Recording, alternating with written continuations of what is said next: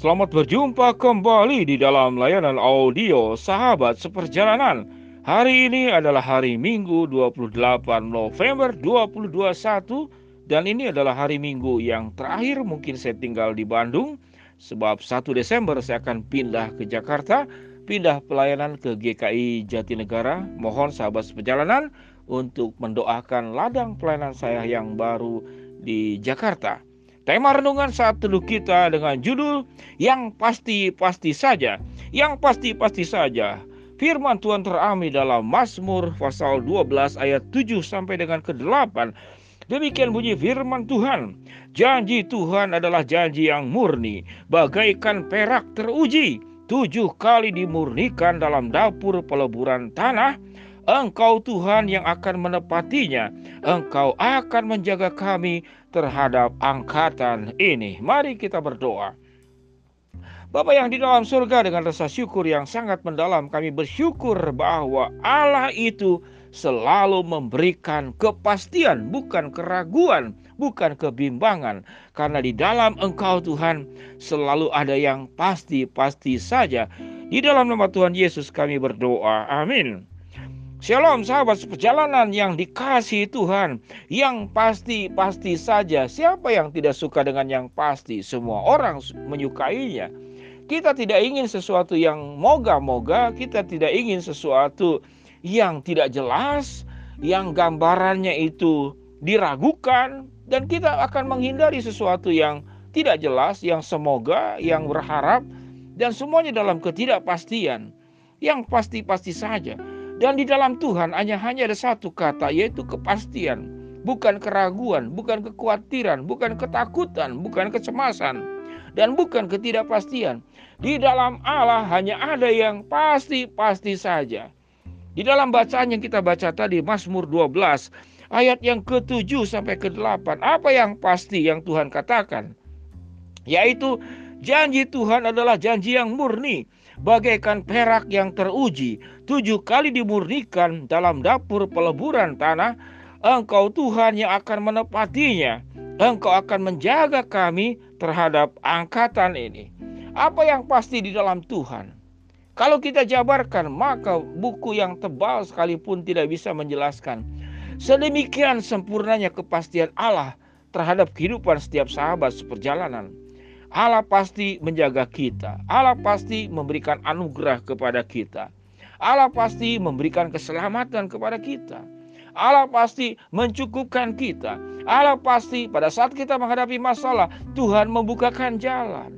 Allah pasti sewaktu jatuh kita akan tidak akan terantuk sebab Tuhan akan menopang dan mengangkat kita. Allah pasti sewaktu engkau di dalam kegelapan, terangnya yang ajaib yang akan menerangi. Allah pasti sewaktu kita bahkan mengalami kematian, Tuhan akan membangkitkan kita dan ditempatkan di surga yang abadi bersama dengan Tuhan. Allah pasti di dalam kehendaknya apa pun yang hilang dari diri kita. Kalau Tuhan ingin mengembalikannya, semuanya Tuhan bisa kembalikan bahkan berlipat ganda daripada apa yang hilang. Itulah Allah yang pasti dan yang pasti-pasti saja. Namun di atas kepastian Allah, kita perlu belajar mempercayai Allah. Tatkala apa yang kita harapkan tidak sesuai dengan yang Tuhan berikan kepada kita, maka di sinilah kepastian-kepastian Allah harus disertakan dan diikuti dengan keyakinan percaya kita kepada Allah tanpa meragukan janjinya, tanpa meragukan rencananya, tanpa meragukan kehendaknya di atas kehidupan kita. Sahabat seperjalanan, kita sangat mudah sekali tertipu dengan hal-hal yang palsu, palsu, seakan-akan itu adalah asli. Saudara-saudara, ada banyak barang-barang palsu yang ada di dalam dunia ini. Madu palsu, telur palsu, spare part kendaraan mobil kendaraan palsu, bantuan COVID palsu, sertifikat tanah palsu, buku menikah palsu, uang palsu, ada juga plat nomor palsu, arloji palsu, tas palsu, jaket palsu, sepatu palsu. Ada juga yaitu cinta dan janji yang palsu. Sahabat seperjalanan yang dikasih Tuhan. Tetapi mengapa manusia lebih menarik kepada yang palsu? Karena yang palsu itu kelihatan lebih cepat, lebih mudah, lebih menguntungkan, tanpa berkorban, tanpa bersusah payah, tanpa capek-capek, tanpa kerumitan. Kelihatan manis, kelihatan mempesona, kelihatan memikat, dan nampak sekali menarik. Lalu kita terjebak kepada yang kelihatannya pasti, namun sebetulnya tidak pasti. Namun sebetulnya adalah sebuah kepalsuan yang ditawarkan kepada kita. Dan kita menikmatinya, dan kita menerimanya. Sahabat perjalanan yang dikasih Tuhan, sesuatu yang asli itu tidak serta-merta dengan sangat mudah didapat. Mari kita lihat saudara kalau kita punya barang-barang yang asli itu. Sulit sekali didapat kita harus semakin dekat ke sumbernya. Ya, semakin sulit didapat, tidak didapatkan di tempat-tempat umum. Itulah kalau yang asli. Saudara tahu dengan jelas bagaimana supaya tahu dengan madu asli dan madu madu palsu. Itu sulit mendapatkan katakanlah satu ons madu asli itu membutuhkan proses yang lama. Tapi untuk menciptakan madu palsu satu liter jauh lebih mudah dicampur saja dengan gula atau dengan apa sahabat perjalanan? Kira-kira demikian.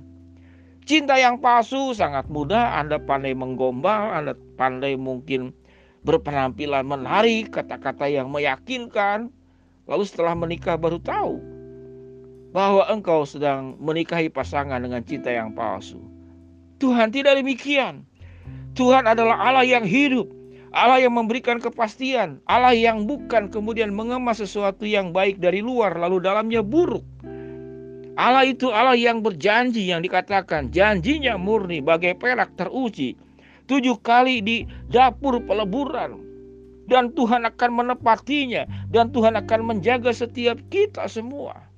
Sahabat seperjalanan. Sesuatu yang asli, sesuatu yang pasti, itu tidak selalu menarik untuk setiap sahabat seperjalanan.